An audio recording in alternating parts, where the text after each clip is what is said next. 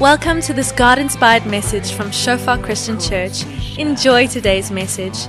May you experience the presence of our Father and may you grow deeper in your relationship with Him.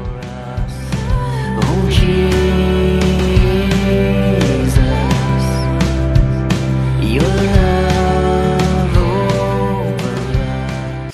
Vir die van julle wat my nie ken nie, my naam is Wian, ek's een van die pastore hier. Ons is regtig eer en 'n voorreg om vanoggend hier te kan wees en deel te kan hê aan alles wat die Here kom doen en ook 'n voorreg om die woord van God vanoggend aan ons te kan verkondig en oop te breek. Maar voordat ek begin, kom ek bid net vir ons. Ja Here, dankie vir u goedheid, Vader. Dankie vir soveel werk, Here, wat u klaar vanoggend kom doen het, Here. Soveel woord, Here, wat klaar oorgedra is, Here. Soveel van die liefde, Here, wat klaar gewys is, Here iets van geestelike familie Vader, iets van 'n nalatenskap Vader wat ons vanoggend kon sien en kan beleef, Here. Dankie vir dit, Vader.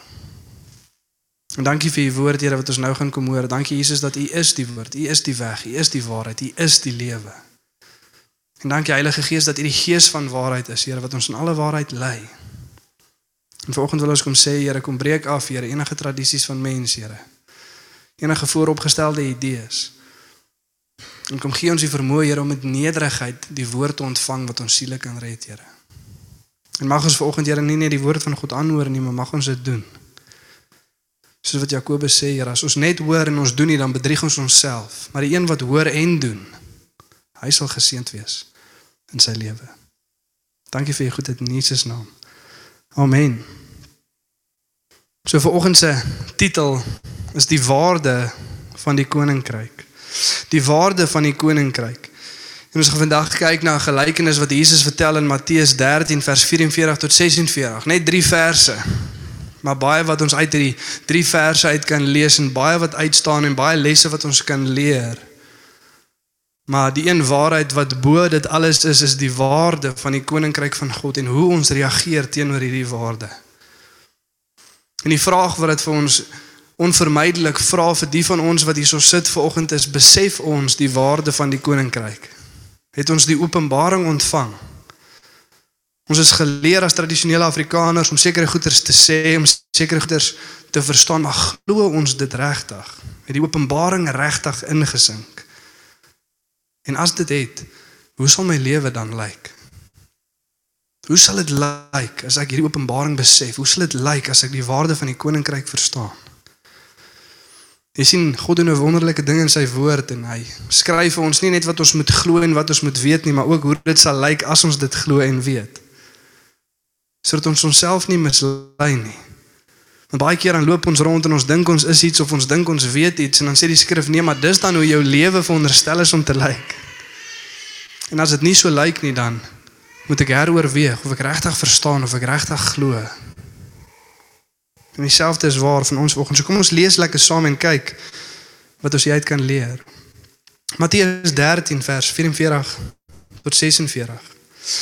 Verder is die koninkryk van die hemel soos 'n skat wat verborge is in saai land. Wat 'n man kry en wegsteek en uit blydskap daaroor gaan verkoop hy alles wat hy het en koop daardie saai land.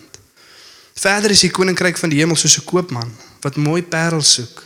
En toe hy een baie kosbare parel kry, gaan hy weg en verkoop alles wat hy het en koop dit. En baie goed wat ons vir ons in hierdie teksvers uitstaan, maar die eerste ding wat ons net ook moet uitlig is wat Jesus nie besig is om te sê nie. Miskien sit jy hier vanoggend as 'n besigheidsman en jy dink, "O, so dit is oukei okay om so besigheid te doen." Jesus is nie besig om besigheidsetiek of morele etiek vir ons te verduidelik nie. Jy sien met 'n eerste vergelyking, dan mag ons dalk lyk of die ou bietjie kroek hierso.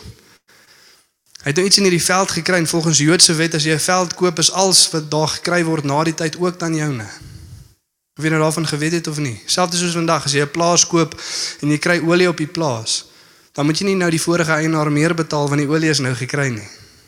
Maar die persoon het geweet die olie is daar, so hy betaal minder vir die land as wat die skat binne in die land werd is. En Jesus is nie besig om vir ons besigheidsetiek te verduidelik nie. Hy is besig om vir ons die waarde van die koninkryk te verduidelik. Dis waar hierdie teksvers gaan. Jesus sê moet nou nie vashak op 'n plek waar ek nie wil hê jy moet vashak nie, maar sien die waarheid van wat ek besig is om te verduidelik van die koninkryk. Die koninkryk is soos. Dit is wat Jesus besig om te verduidelik. Die waarde daarvan en ons reaksie teenoor dit. Maar eerste wat ons moet definieer is wat is die koninkryk van die hemel? Wat is dit? Dis definitief nie die hemel daarbo nie, dit is deel van dit, dis 'n uitvloei daarvan. Maar God sê definitief nie hy daarsoos die koninkryk van die hemel, dis nou 'n besigheidsdae op die aandelemark in Johannesburg, so verkoop alles wat jy het. Belê jou geld daarso in, want dit gaan groei, veral teen die eindtyd toe, né? As jy met my. Dan gaan hy koninkryk al hoe mooier begin lyk. Wat is die koninkryk van die hemel? Wat is die koninkryk van God? Jy sien dit lyk vir ons baie keer so half asof daar twee goedes wat Jesus kom doen het. Hy het gekom en toe sê hy: "Bekeer jouself want die koninkryk van God is nou hier." Maar toe gelukkig na sy opstanding uit die dood is daai koninkryk ding nou weg. Nou is die evangelie daar. Maar dis dieselfde ding. As jy vir hom 'n koninkryk te wees, moet daar 'n koning wees. En as Jesus sê die koninkryk van God het gekom en sê die koning staan reg voor julle. Die koning wat heers, die koning wat regeer. Dis Jesus, dis waarvan die koninkryk praat. Wat is die evangelie? Die evangelie is die goeie nuus van die koninkryk. Die feit dat Jesus gekom het en ons geskuif het van die koninkryk van duisternis en oorgevat het na die koninkryk van lig. Jesus Christus, dit is die goeie nuus van die evangelie, maar jy is in een of ander koninkryk. Jy sien ons lees in Kolossense 1 vers 13 tot 14. Dis nie op die bord nie, maar jy kan dit self gaan lees. Ons skryf dit van hy wat ons uit die mag van duisternis uit gevat het en oorgeplaas het in die koninkryk van sy geliefde seun. In hom het ons nou vergifnis van sondes. So dit praat van hierdie skuwe van koninkryke. Dit praat van hierdie skuif na die oppergesag van Jesus Christus, hy's koning. Ons kan hom nie net as redder ken nie, maar ons moet hom ook ken as koning. Hy is redder en Here. Hy saligmaker en koning. Hy's altyd daai goed. En in ons moderne wêreld met ons menseregte kultuur is dit baie keer vir ons moeilik om te verstaan en te glo. Jesus is nie net gekom om jou te verlos nie, maar ook om jou koning te wees. Maar die goeie nuus is dit is 'n koning wat ons wil hê. Dis een wat se las sag is. Sy juk maklik is. Dis een wat rus gee vir jou siel. Dis 'n koning wat jy wil volg. Dit is die goeie nuus van die evangelie. Dit maak ons deel van die koninkryk. So om te sê dat hy Jesus in die veld gekry, ja. Die evangelie in die veld gekry, ja. Die koninkryk van die hemel in die veld gekry, ja. Dis dieselfde ding. Die evangelie is die goeie nuus van die koninkryk. Die koninkryk gaan oor die koning. Die koning is Jesus Christus. Dit is dieselfde ding wat Jesus besig is om vir ons te verduidelik hierso. Jesus is daai koning en dit verduidelik vir ons 'n 'n paar goed. So wat ek gesê die waarde van die koninkryk, ons reaksie as ons daai waarde sien, die manier hoe om die koninkryk in te gaan en dan minder duidelik of so half op die oorsig daarvan kan ons dan ook sien twee goeders wat Jesus ook vir ons wil kom wys deur hierdie gelykenis. En dit is hoekom ons baie keer versuim om die waarde te sien. Hoekom ons baie keer nie reageer soos wat ons moet nie. En dan ook hoe dit ons belydenis wonderstel is om te verander. En ons gaan nou na dit alles kyk, maar eers na die eerste 3. Die eerste 3 gaan saam. Ons kan dit nie van mekaar skei nie. As ons die waarde sien, dan reageer ons soos wat ons moet en dan gaan ons in soos wat ons moet. Maar ons kan dit nie van mekaar skei nie. Hier's die waarde van die koninkryk. Sien ons lees in die tweede deel van vers 44 en vers 46 die volgende. Hierdie is die waarde, hierdie is die reaksie en hierdie is ons ingaan. En uit blydskap daaroor gaan hy en verkoop alles wat hy het en koop daardie saailand uit blydskap. En toe hy 'n baie kosbare parel kry, gaan hy weg en verkoop alles wat hy het en koop dit. Jy sien in al twee gevalle is daar openbaring van die waarde van die koninkryk. Al twee mense besef die waarde van die koninkryk. Al twee besef hierdie gaan alles kos wat ek het. En al twee besef dis die enigste manier om die koninkryk te verkry. Alles wat jy het. Dis die waarde van die koninkryk. So die waarde, die waarheid van hierdie waarde is dat vir enige een wat vanoggend hierso sit, die koninkryk van God is meer waardevol as enigiets wat jy het. As enigiets wat jy het. En dit gaan jou als kos en dis al hoe jy kan ingaan. Is om deur alles te versuim en om te volg. Daar's nie 'n bietjie bietjie nie. Dis nie die wonderlike ding is maak nie saak wie jy is nie, dit gaan jou als kos. Wanneer ook al skrif praat van iemand van aansien, 'n Ryk man, iemand wat iets het, dan verduidelik die skrif dit. 'n Ryk man het na Jesus toe gekom. 'n Skrifgeleerde het na Jesus toe gekom. 'n Wetsgeleerde het na Jesus toe gekom. 'n Ambagsman het na Jesus toe gekom. In sekondataal. 'n Ingenieur het na Jesus toe gekom. Dis hoe die skrif dit sou vergelyk het. Maar dit verduidelik dit elke keer en elke keer as dit net praat van 'n normale werker dalk wat iemand het of 'n slaaf wat iemand het, dan praat dit net van 'n man. En 'n man het na Jesus toe gekom. En ons sien dieselfde ding in hierdie stuk skrif. 'n Man het die skat in die veld gekry, 10 teen 1 slaaf van iemand. En dan 'n merchant soos wat die Engels sal sê, 'n verkoopsman, uh, iemand van aansien, iemand wat ryk is, iemand wat besittings het. Hy het die parel gekry. Maar of jy arm is of jy ryk is, dit gaan jou alles kos wat jy het. Dit gaan jou alles kos wat jy het. Dit sien is nie 'n 'n bedrag gekoppel aan die koninkryk maar dit is 'n relatiewe ding. As ek volgens vir ons sê, is dit 1000 rand duur. Dan mag jy dalk sê hang af vir wat? As ek sê 'n pen, is 'n bietjie duur. Is dit uurpen? As ek sê vir 'n nuwe kar, glad nie duur nie. Al het jy nie nou 1000 rand nie, sal jy 1000 rand gaan kry in die kar kom koop. Want dan nou kan jy hom vir meer verkoop. En wat die skrif vir ons sê, die koninkryk van God is meer waardig as enige iets wat ons het. Dis nie daai bietjie bietjie nie. Hy het nie gedink, "O, oh, Jesus, ek wonder." En in groot twyfel het hy alles gaan verkoop wat hy het. En die skat kom koop nie nee in blydskap. Hy het besef van die begin af dat hierdie skat, hierdie koninkryk is baie meer waardevol as enigiets wat ek het. En ons moet besef dat Jesus vertel nie vir ons hoe ons die koninkryk as erfdeel kan kry nie, maar hoe ons dit moet ingaan, want ons kan nie vir dit betaal nie. Ons het nie genoeg nie. Dit sê nie deur jou goeie werk of deur jou bydrae wat jy maak kan jy die koninkryk van God koop nie. Nee. Dit sê dis meer waardig as alles wat jy het. Die enigste manier hoe jy kan ingaan is om alles anders prys te gee. Dis nie om dit te kry nie, maar is om in te gaan. Genade is ge verniet, maar jy kan dit net met leë hande ontvang. Genade is verniet, maar jy kan dit net met leë hande ontvang. God sê sit neer wat in jou hand is sodat ek vir jou kan gee wat ek vir jou wil gee. Unconditional surrender, dit is die voorkeur van om die koninkryk van God in te gaan. Om alles prys te gee.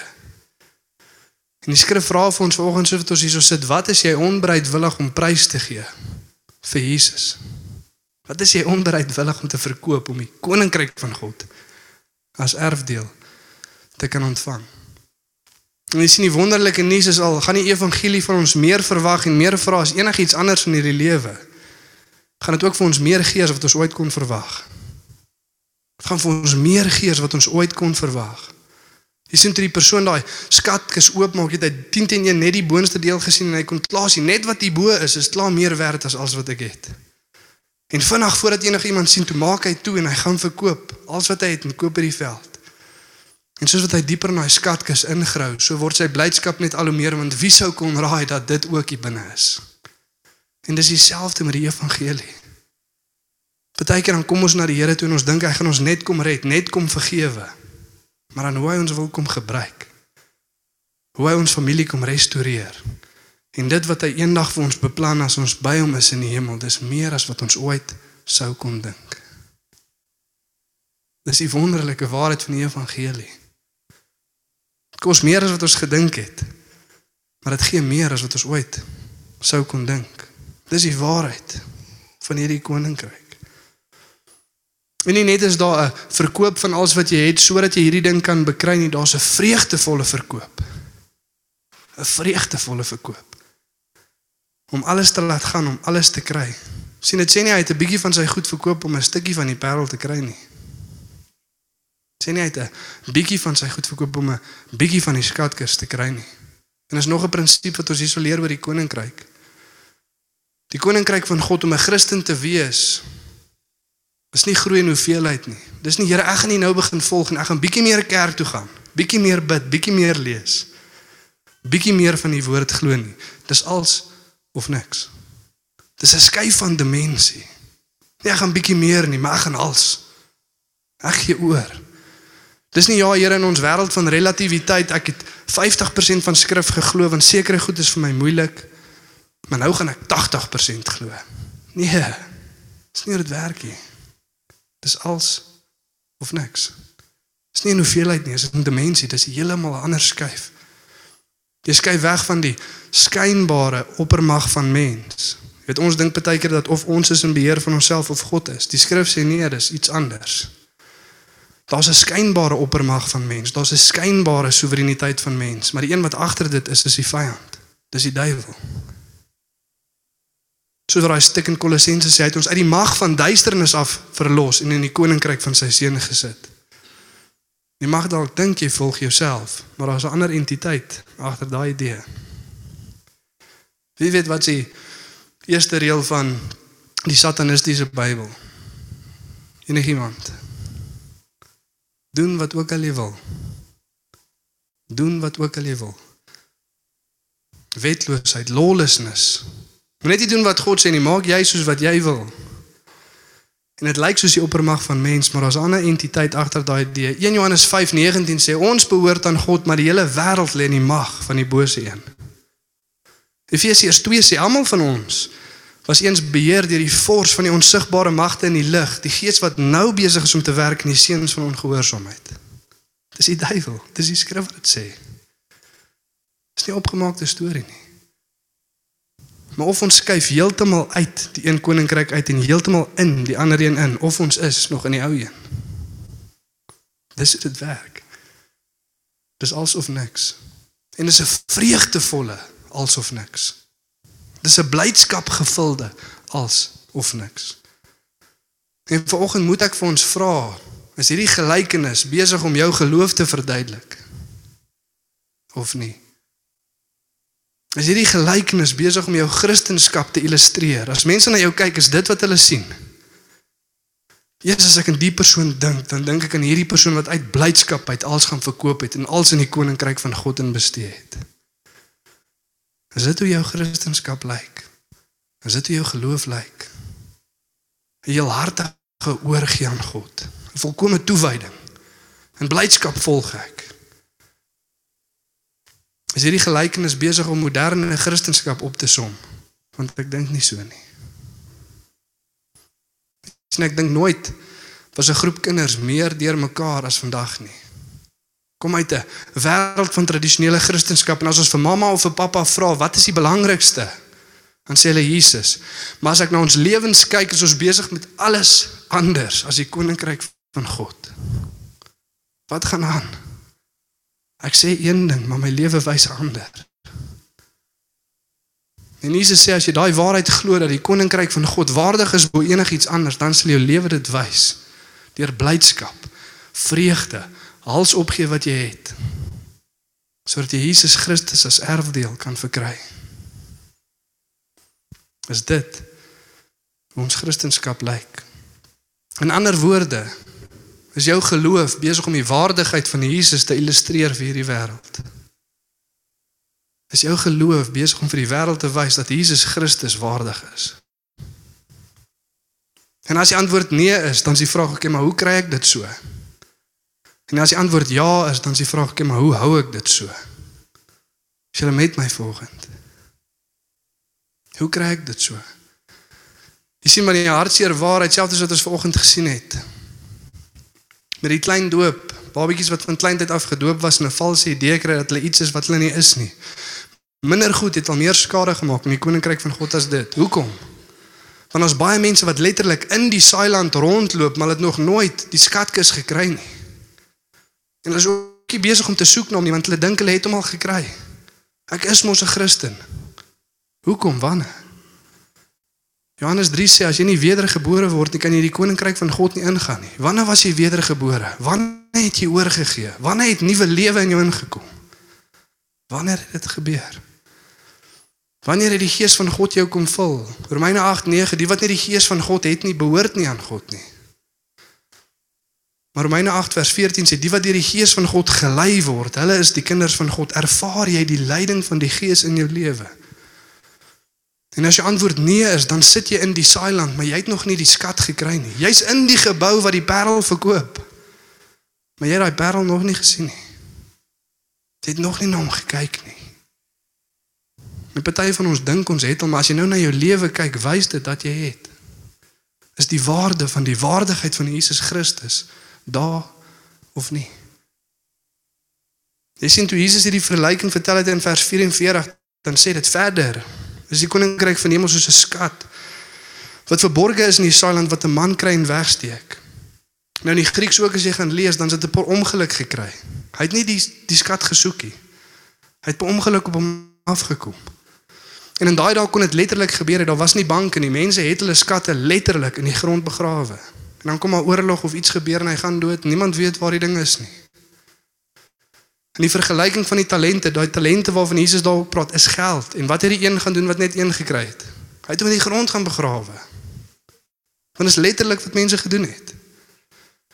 En soos wat Jesus hierdie storie vertel, dan dink die mense by hulle self, "Jesus, like, hoe lucky moet daai ou nie wees nie." Ja. My ma het my vertel een keer toe hulle jonk was, het dit gebeur met die buurman. Ons het nog nooit weer daarvan gehoor nie. Dit kon gebeur, maar die die kanse is so min.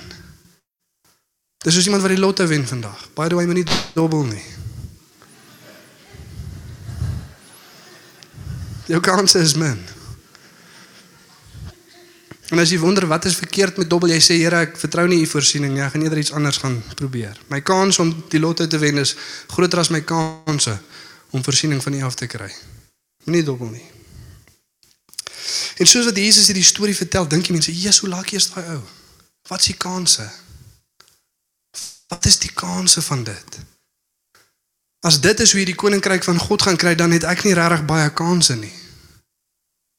Dan gaan dit dalk net hierdie een of hierdie tweede ou wees, en elke een of twee generasies wat die koninkryk van God gaan kry. Hoe lucky is hy nie?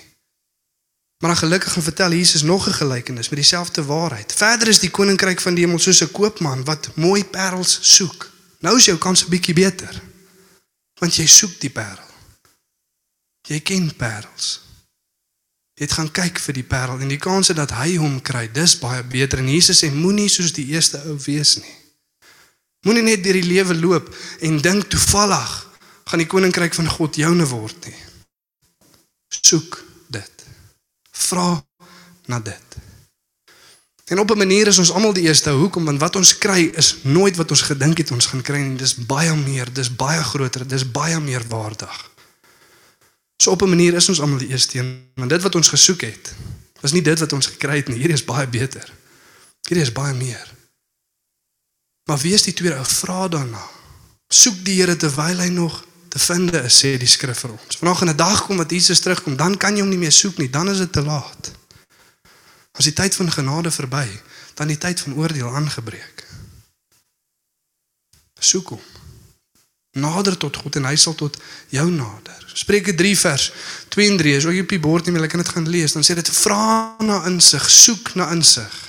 Soek vir dit soos silwer, soek vir dit soos verborgde skatte en jy sal die vrees van die Here ken en die kennis van God sal joune word. Vra na dit, soek na dit. Dan sal jy dit kry. Moenie in die saailand sit vanoggend en verby die skat loop nie. Moenie in die gebou sit waar meeste mense die parel gesien het en nie self ondersoek instel nie. Soek. Soek en jy sal dit kry. Soek en jy sal dit kry. Jy sien wanneer ons Christendom nie gemerk is deur 'n vreugdevolle verkoop van alles wat ons het nie, dan verstaan ons nie die waarde van Jesus Christus nie. Ons verstaan nie die waarde van die evangelie nie. Ons verstaan nie die waarde van die koninkryk nie. En as dit die geval is dit vir een van twee redes.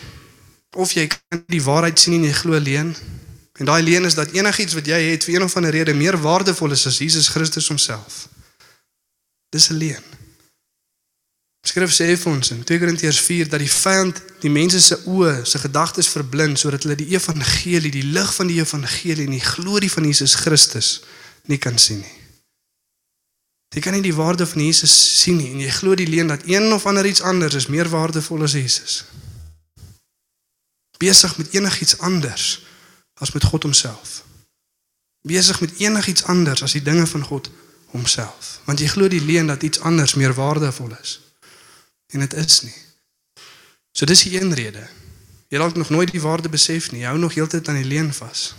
Die tweede rede kan wees dat in ons hastigheid, in ons besige wêreld, het jy so vinnig verby die skat gehardloop, jy het so vinnig verby daai parel gehardloop dat jy het nooit gesit en die koste bereken nie. Jy nooit gesit en kyk na hierdie waardevolle ding in jou een hand en die leë manier van lewe in jou ander hand nie. Jy het net verbygehardloop. En jy sukkel elke nou en dan om God op die mees basiese maniere te volg. Hoekom? Want jy het nog nooit stil gesit en die koste bereken nie.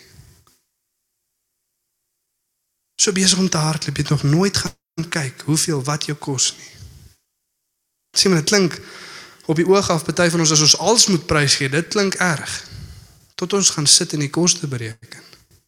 Kyk wat sê Jesus in Lukas 14 vers 27 en 28 en ook 33.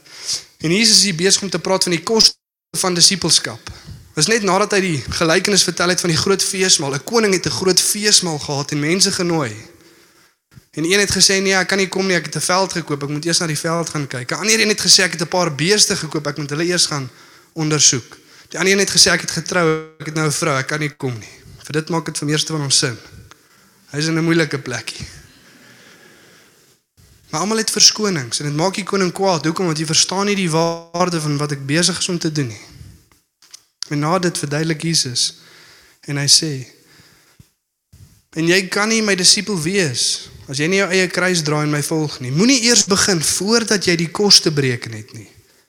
Moenie eers begin voordat jy die koste bereken het nie. So kan niemand my disipel word sonder om alles vir my prys te gee nie. En dan wonder ons hoekom Jesus by hierdie twee goed uit. Want hy gebruik twee voorbeelde in daai stuk. Die een is 'n man wat 'n toring bou en die ander een is 'n koning wat oorlog toe gaan. En hy sê as jy hierdie toring wil bou, kyk eers of jy genoeg boumateriaal het. Nou nou bou jy die fondasie en lag die mense vir jou want jy kan nie verder bou nie. Of 'n koning wat eers stel, "Hey, hierdie is hoeveel soldate ek het, kan ek eintlik die oorlog wen?" En as jy sien jy kan nie, dan waai jy jou wit vlaggie. En dan klink dit amper asof moet ons nie kyk wat ons het en vir Jesus sê hy ons bring wat ons het nie. Hoekom moet ek dan prys gee wat ek het? Ek dog ek moet dit bring. Want die waarheid is as jy gaan sit en kyk wat jy het, gaan jy agterkom jy het nie eintlik veel nie in lig van die ewigheid, in lig van die koninkryk, in lig van die waardigheid van Jesus, het ek niks. En om niks prys te gee vir alles, dis 'n maklike som om te bereken, maar party van ons het nog nooit gaan sit en tel nie. En dan wonder ek, hoekom spandeer ek niks tyd in God se woord nie, maar kyk TV en ek's heeltyd op Netflix. Jy het nog nie die koste gaan gaan kyk nie die leë manier van doen van hierdie Netflix wat absoluut geen waarde het nie. Inteendeel dit leer my 'n verkeerde manier van dink en die waarheid van God se woord. Die allermagtigste God van die heelal wat sy woord vir my gegee het.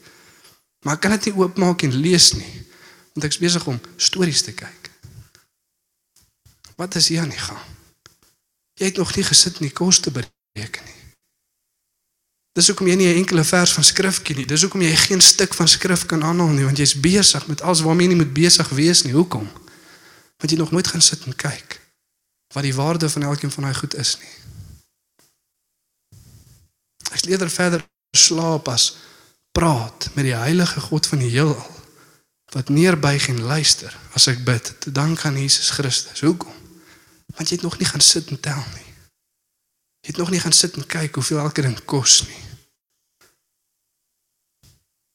Dit is 'n mooi liedjie van onbeskaamd wat sê bring jou leë vuil hande.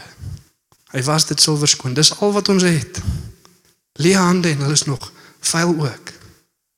Maar verder het ek nie veel om te gee nie. Dit wat ek moet prys gee is niks. Dis hoekom ek in my blydskap als verloon om alles te kry want ek het eintlik niks. Paulus sê dieselfde in Filippense 3, is nie op die bord nie, jy kan self gaan lees. Van vers 7 af. Alles wat ek eens as bate beskou het, beskou ek nou as nutteloos vir die waarde om Jesus Christus my Here te ken. En ek verskou alles as verwerplik sodat ek hom mag verkry. En nie geregtigheid van my eie kan hê wat van die wet afhang nie, maar die geregtigheid wat van geloof in God afhanklik is dat ek Jesus mag ken en aan hom gelyk mag word in sy dood sodat met enige manier moontlik ek die opstanding uit die dood kan behaal. Nie dat ek reeds al het nie, maar een ding wat ek wel weet, ek los dit wat agter my is en stryk my uit na wat voor my is. En ek stryk my uit om als myne te maak want hy het my reeds syne gemaak. So wat Paulus sê en lig van dit maak dit vir my sin en die mooi ding van wat Paulus sê in Filippense 3. Hy sê die belofte van die koninkryk was is en sal wees dit was. Jesus het my reeds syne gemaak. Die feit dat Jesus Christus op die kruis gesterf het, soos wat ek terugkyk, maak dit duidelik. Dit maak dit seker. Die koninkryk is hier en in God het ek vergifnis en hy sal my weer kom haal. Want Jesus het vir my gesterf. Dis 'n sekerheid. En hy sê sodat ek hom nou mag ken, die koninkryk is ook nou, die Gees is ook nou uitgekiet sodat ek hom nou mag ken en dit maak dit lewendig. Maar hy sê ook sodat ek deel kan hê aan die opstanding uit die dood. Dit maak dit toekomstig. En dit maak dit hoopvol. Want dit wat ons sal kry, die glorie wat aan ons openbaar gaan word. Paulus skryf dis nie eers waardig om ons tydelike lyding wat ons nou deurgaan te vergelyk met die glorie wat ons deel gaan word as Jesus Christus terugkom nie. So die koninkryk was, dit maak dit seker. Dit is nou, dit maak dit lewendig en dit sal wees. Dit maak dit hoopvol. En in lig van dit beskou ek als anders as verwerplik, waardeloos. Engels sê I count it all. Ek het gaan sit en tel. En ek sal dit verloor sodat ek Christus mag verkry. Want dit oorskry alles in waarde. Ek wil maak vir ons klaar met Lukas 12 vers 32. Dit is as Jesus besig om te verduidelik, moenie vashou aan die bekommernisse van hierdie wêreld nie. Hou op geld najag, hou op in jou besittings vashou. Soek eers die koninkryk van God en sy geregtigheid. En hierdie dinge sal by jou toegevoeg word. En nadat Jesus dit sê, sê hy moenie dis bang wees nie, klein kindertjie, want dit maak julle Vader baie gelukkig om die koninkryk aan julle te gee. En die wonderlike nuus is niemand van ons hoef God te oortuig vanoggend om vir ons iets te gee nie, hy wil graag. Die Bybel vir almal vertaling sê julle is dalk min, maar moenie bang wees nie. Julle Vader wil graag julle koning wees. Dis hoekom Jesus gekom het as God nie wou die koninkryk vir ons gee nie, dan het Jesus nooit gekom nie. Maar hy bewys sy liefde vir ons in dit dat terwyl ons nog sondaars was, Jesus Christus vir ons gesterf het. Jy sien in hierdie wonderlike waarheid verander ook dan ons belydenis. Want as jy ver oggend hier so sit en jy kom agter dat my lewe bely nie. Ek het nog nooit die waarde gesien of ek het dalk, maar ek het so lank terug na die skat gekyk dat ek begin weer verlang na die goed van vorige lewe. Ek het so lank terug na die parel gekyk. Ek het hom gesien, ek het hom voor oë gehad. Maar ek het hom weggeberg en nou begin ek weer verlang na al die ou parels. Want die parel van God het waarde is uitsigheid. En as jy agterkom dis jy ver oggend, dan verander dit ons belydenis. Hoe? Ons bely nie nou net meer die vrug nie. Ons belydenis is nou nie net daad gefokus nie. Jammer ek raak kwaad, Here. Jammer ek vloek. Jammer ek sondig. Jammer ek lees nie genoeg Bybel nie. Jammer ek bid nie genoeg nie. Jammer ek raak nie deel van die gemeenskap van gelowiges nie. Dis die vrug. Maar nou maak hierdie ons belydenis 'n bietjie dieper en ons gaan na die wortel toe. Wat is die wortel? Ek sê jammer Here dat ek geen vir die waarde wat U toekom nie. Ek bely Here dat ek ander goed meer liefhet as Jesus Christus homself. Want Jesus sê as jy my liefhet, sal jy my gebooie gehoorsaam. Sien nou skuif belydenis van vrug na wortel. Nou gaan ons na die regte oorsaak toe. Jammer Here dat ek die waardevolle waarheid van die evangelie nie meer voor oë hou nie. Jammer dat ek nie leef asof Jesus Christus waardig is nie. Ja, en dit manifesteer in 1 2 3 en 4. En ek bely die daad ook, maar kom ons kom by die wortel uit. Jy sien jy kan nie die laaste 9 gebooie breek as jy nie die eerste een gebreek het nie. Die Here jou God alleen sal jy dien. Dis die eerste een. En hom sal jy lief hê met jou hart, krag, siel en verstand. En as ons dit doen, dan kan ons nie die ander 9 breek nie. Maar elke keer as ons die ander 9 breek, het ons die eerste een ook gebreek. Ons het nie God lief gehad soos wat ons moes nie. Ons het hom nie gevolg soos wat ons moes nie. Ons het hom nie waardig geag soos wat ons moes nie. En vanoggend soos wat ons bely, kom ons sê dit met gedagte. Maar kom ons hou vas aan die wonderlike waarheid dat die Vader wil graag die koninkryk vir ons gee. Jy hoef hom nie te oortuig vanoggend om jou te vergewe nie. Skrif sê in Jesus Christus as ons ons sonde bely dan sal hy ons vergewe en ons reinig van alle ongeregtigheid. Nie dalk nie, hy sal. En dan draai ons ons harte terug na God en ons vra vir hom Here kom wys ons weer die waarde van die koninkryk van God. Kom wys ons weer die liefde van Jesus Christus ons Here. En dan tel ons bietjie volgende. Kom ons weeg op. Kom ons kyk na die ou manier van lewe en kom ons kyk na die waarde van Jesus Christus. En soos wat ons kyk, soos ons uit blyskap uit als verloon om Jesus Christus te verkry en hom te volg. Kom ons staan volgende en dan bid ons lekker saam.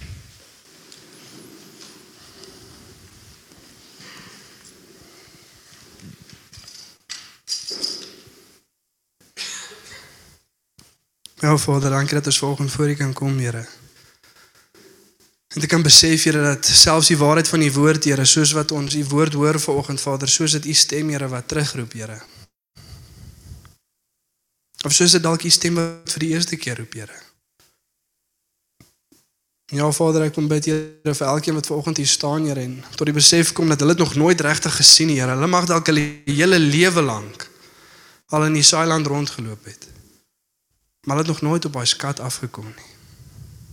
En die rede vir dit is, Here, hulle het nog nooit regtig gesoek nie. Dankie dat jy vanoggend sê daar's genade, draai jou hart terug na God, toe vra vir hom, soek, roep uit, vra vir insig. Soek vir wysheid. Nader tot God en hy sal tot jou nader. Maar jy moet begin beweeg. Hou op lewe asof jy toevallig eendag dalk op dit gaan afkom. Draai jou hart, draai jou oë.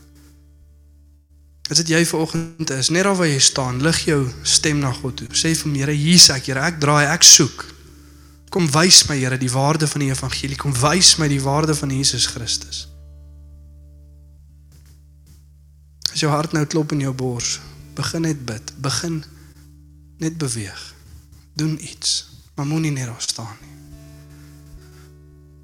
Sê vir die Here, hier's ek. Sê vir die Here kom wys my. Hy sal jou wys. Hy's 'n getroue Vader. Hy wil die koninkryk vir jou gee. Maar jy moet begin beweeg. Daar's baie goed wat God vir ons gaan doen, maar hy gaan nie jou Bybel vir jou lees nie. Jy moet hom lees. Hy gaan nie by 'n gemeenskap van gelowiges vir jou aansluit nie. Hy gaan nie by 'n selgroep vir jou aansluit nie. En as jy wonder hoe Jesus disippels gemaak, dis in klein groepe. Ons sien dit in die vroeë kerk ook raak deel, sluit aan. En as jy nie doen nie, dan hoef jy ten minste nie te wonder hoekom jy nie in blydskap als gaan verkoop nie. Sommige jy nog wil vashou aan daai leen, laat gaan daai ding. Draai na God toe. Maar begin beweeg. 'n Party van ons staan vanoggend hier. Jy sê vir jouself, Here, ek het op 'n tyd gesien, Here. Ek het op 'n tyd gefokus, ek het daai skat voor oë gehou, ek het daai parel in my hande gehad, Here. Maar in my besigheid het ek hom iewers neergesit deur en ek het vergeet lekker mooi hoe hy lyk. En al die ou parels het weer aanloklik begin raak, Here. En vandag kom draai ek my fokus terug na U, Here, kom terug na U toe. As dit jy is, begin bid. Begin bid. Hy is 'n genadevolle Vader, hy sal vergewe. En as jy vir oggend nog 'n ou parel vas het, daar's iets wat jy onbereidwillig is om te verkoop. As jy wonder of dit jy is, vra net Here daar weer staan. Here, is daar iets wat ek van meer waarde ag as Uself? Hy sal jou wys. Ek beloof dit vir jou. En vinnig ook.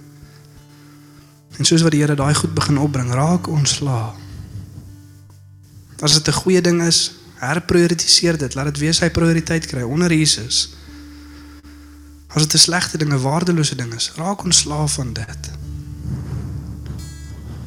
Daai series wat jy kyk, daai seepies wat jy kyk, wat se waarde voeg dit toe? Los dit. Dit help niemand. Inteendeel, dit leer jou 'n verkeerde manier van dink. Maak God se woord oop, begin lees. Leer die God ken wat jou gered het.